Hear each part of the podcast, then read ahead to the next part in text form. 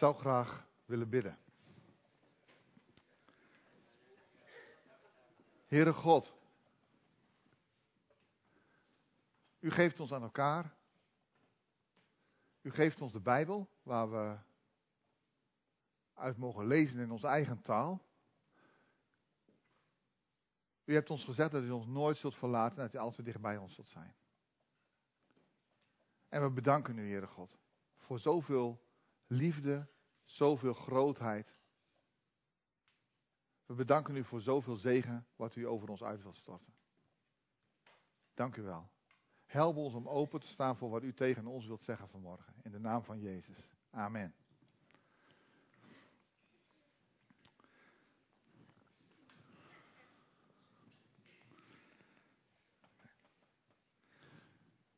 Een pas op de plaats. Een pas op de plaats, dat betekent dat we eventjes stil willen staan allemaal. En dat we eventjes willen kijken van waar staan we? Waar komen we vandaan? Waar gaan we naartoe? Hoe gaat het allemaal? Pas op de plaats is terugkijken en vooruitkijken. En alles is nodig. En terugkijken is relatief makkelijk, want we kunnen gewoon kijken naar wat er in het verleden gebeurd is. En vooruitkijken, ja, de toekomst is in de hand van de Heer. Maar hoe gaan we dan verder? Hoe gaan we verder? En nu staan we hier. We hebben zo pas de foto's gezien van de mensen die het afgelopen jaar in onze gemeente zijn gestorven. Dit zijn personen die veel van ons persoonlijk gekend hebben. Er waar een, een, een verbinding mee was, vaak een innige verbinding. Het loslaten van mensen kost wat, het doet pijn. Dus ik kan me ook voorstellen dat het best confronterend was om zo pas die bewegende beelden te zien.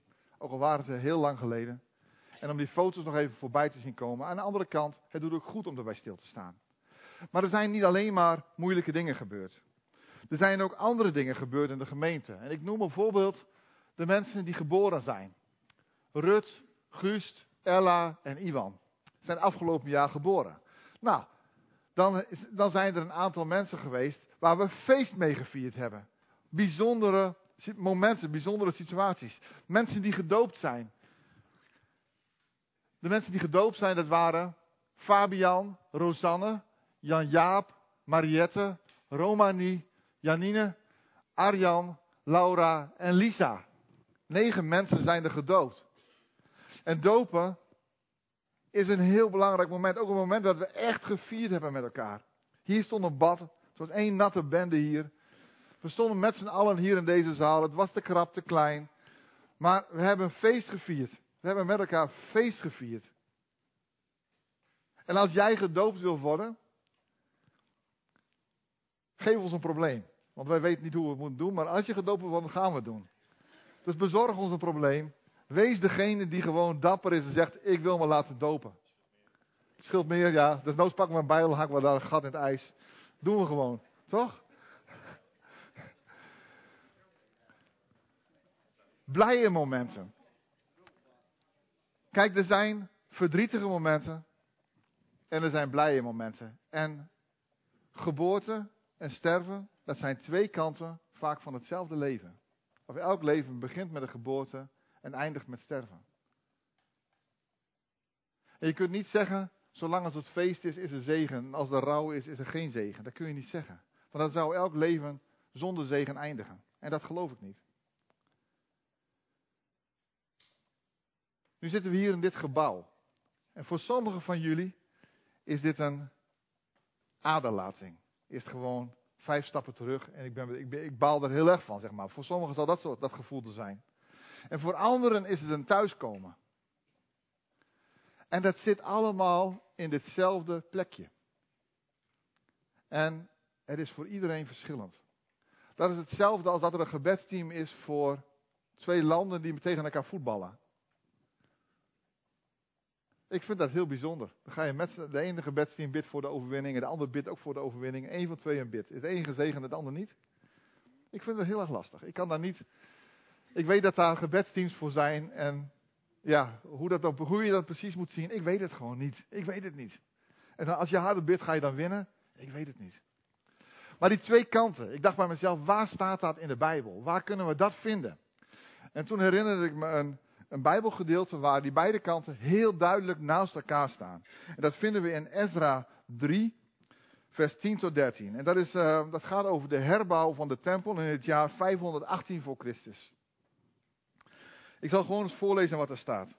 Ezra 3, vanaf vers 10 tot vers 13. En de bouwers legden de fundering van de tempel van de Heer. En men stelde de priesters op, gekleed in ambtsgewaad, met de trompetten en de levieten, de nakomelingen van Asaf, met de cymbalen om de Heere te prijzen, naar de richtlijnen van David, de koning van Israël. Zij zongen in beurtzang bij het prijzen en bij het danken van de Heer, dat Hij goed is, dat zijn goede tierenheid over Israël tot een eeuwigheid is. Heel het volk hief een groot gejuich aan bij het prijzen van de Heer, omdat de fundering voor het huis van de Heer gelegd was. Maar vele van de priesters en de levieten en de stamhoofden, namelijk de ouderen, die het eerste huis op zijn fundering gezien hadden, huilden met luide stem toen zij dit huis voor hun ogen zagen. Terwijl vele anderen met gejuich en met blijdschap hun stem verhieven. En het volk kon geen onderscheid maken tussen het geluid van de vreugdegejuich en het geluid van het huilen van het volk. Want het volk hief een groot gejuich aan en het gejuich werd tot ver gehoord. Dus wat je daar ziet is een hele aparte situatie. Even een stukje achtergrond. De tempel die daar gestaan had, was 66 jaar daarvoor verwoest. Was afgebroken. En die tempel, dat was een fantastisch gebouw. Kosten nog moeite was gespaard. Eén klein detail. De pen- en gatverbindingen die onzichtbaar waren. Hè, want er zat namelijk een dikke laag goud overheen. De pennen daarvan die waren allemaal gemaakt van 500 gram puur goud. Dus zelfs in het verborgene was alleen het beste goed genoeg. Die tempel, je kon het er helemaal aan zien. Het was zo'n geweldig gebouw. En die was verwoest 66 jaar daarvoor. Tot op de fundamenten. Het was niet zo'n heel groot gebouw. Het gebouw was ongeveer 30 meter lang. En ongeveer 10 meter breed. Er stonden drie ruimtes. Voorhal van een meter of 10. Een middendeel van een meter of 15. En een achterhal van het meter of 5. Het voorste deel was echt een hal, dat was echt de entree. Het middendeel was echt, dat heette het heilige. En het achterdeel heette het heilige der heiligen. Ongeveer waar we nu zitten, zeg maar. Wij zitten dus nu in het heilige en mijn kantoor is in het heilige der heiligen.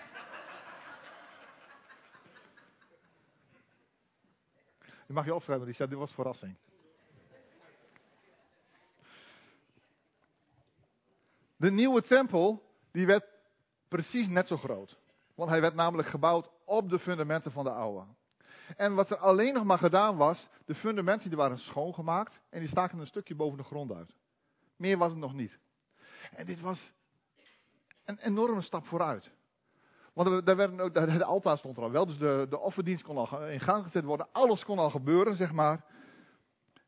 En er werd, dit was een feestje waard. Er werd een heel groot feest gevierd. Er werd echt een gigantisch vet feest gevierd met honderden muzikanten. Met, met offers, met eten en drinken. Het werd zo groots aangepakt. Het, het was gewoon fantastisch. En tegelijkertijd was het heel moeilijk voor sommige mensen. Die 66 jaar daarvoor de oude tempel nog gezien hadden. Er waren mensen van, nou, 85, 90. Die waren, hadden die hele lange reis teruggemaakt en die waren gekomen en die zagen de nieuwe fundamenten daar en die begonnen te huilen. Het raakte ze zo. Moet je een beetje voorstellen dat je bij de sing-in van opwekking bent. En dat daar een groep is die zo hard aan het huilen is, dat je het zingen dan niet meer kunt horen. Dat je eigenlijk niet meer kunt horen of het nou zingen of huilen is, zeg maar. Daar kwam het op neer. En waarom huilden ze? Nou, ze huilden om de verwoesting van de tempel. En ik kan je vertellen, dat wordt nog steeds elk jaar herdacht. Elk jaar is er nog de herdenkingsdag voor de verwoesting van de tempel. En daar gaat een vasten van een week aan vooraf. Dus dat is nog steeds heel groot. En daar, daarom huilden ze.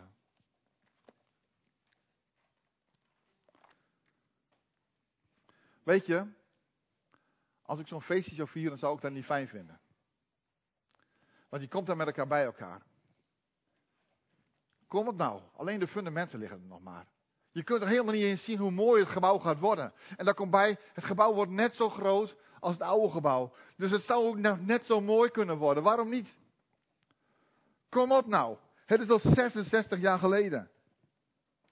De tempel was verwoest, dat klopt inderdaad. Maar dat is al 66. Kun je dat nou niet eventjes aan de kant zetten?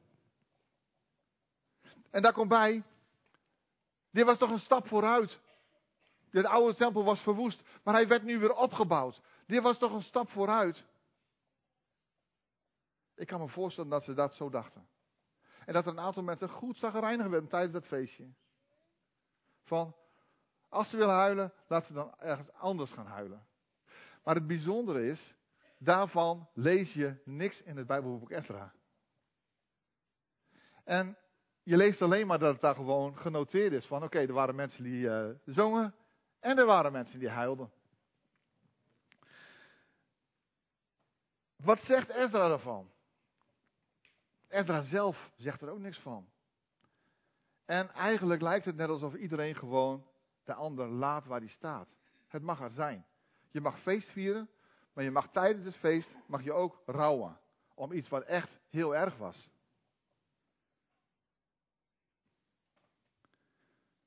Wat zegt God ervan?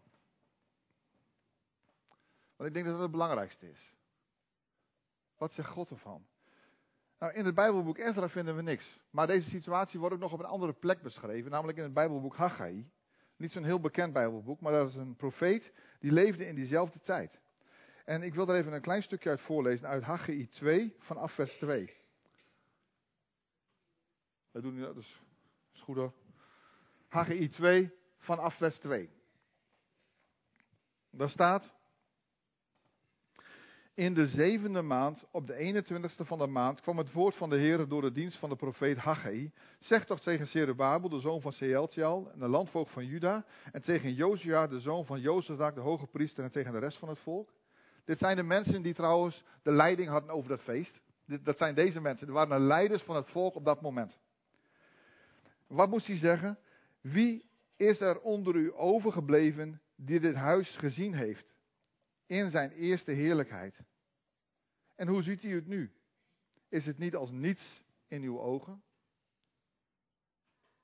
Dus eigenlijk zegt God, als je verdrietig bent, heb je ook een punt.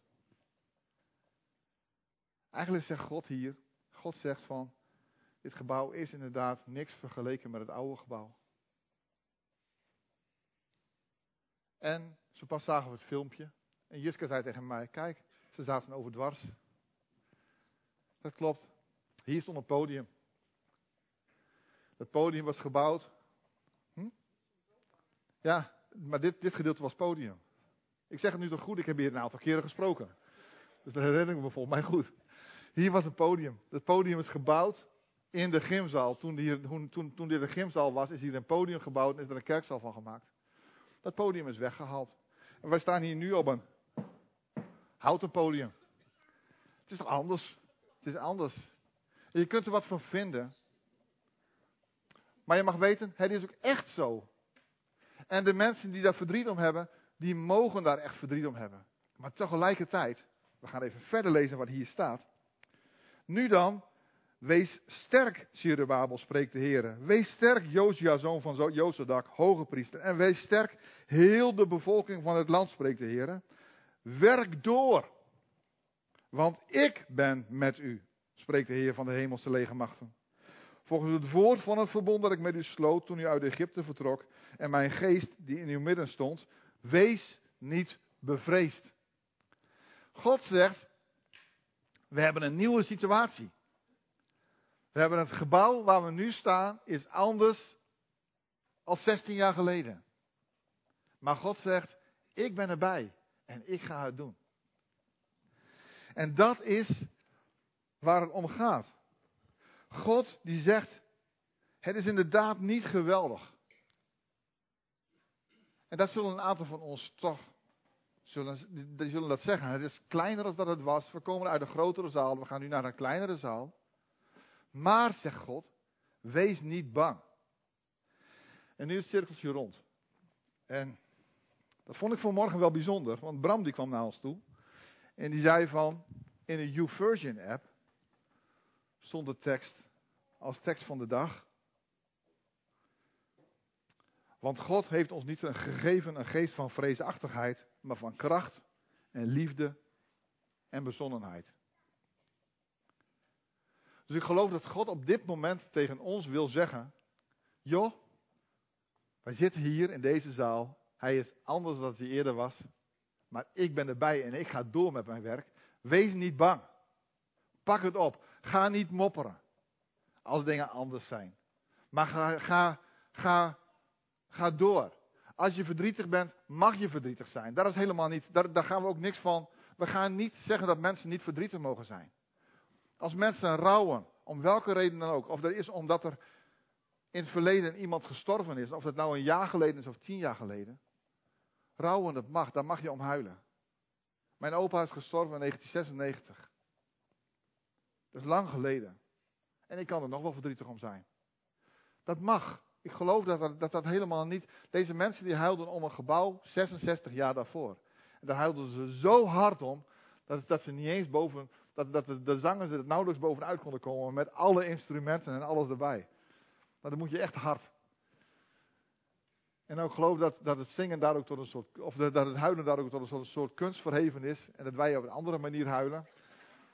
Maar dat, dat, daar gaat het helemaal niet zozeer om. Het gaat erom dat wij, dat het mag, dat het goed is om verdrietig te zijn. En dat het niet zo is dat er geen zegen is als je verdriet hebt en wel zegen als je blij bent. Dat is niet zo. Verderop wordt gesproken door God in het boek Haggai over zegen en het ontbreken van zegen. Maar dat gaat niet over de tempel. Dat gaat over hele andere dingen. Dus dat kan prima dat wij hier en op deze plek zitten. En ja, ik moet eerlijk zeggen, ik vind het ook wel heel gezellig hoor. Dus die kant is ook absoluut bij. En we zitten hier wel goed met elkaar. Maar als we nou zeggen van oké, het is Gods droom om de Eems Delta te bereiken.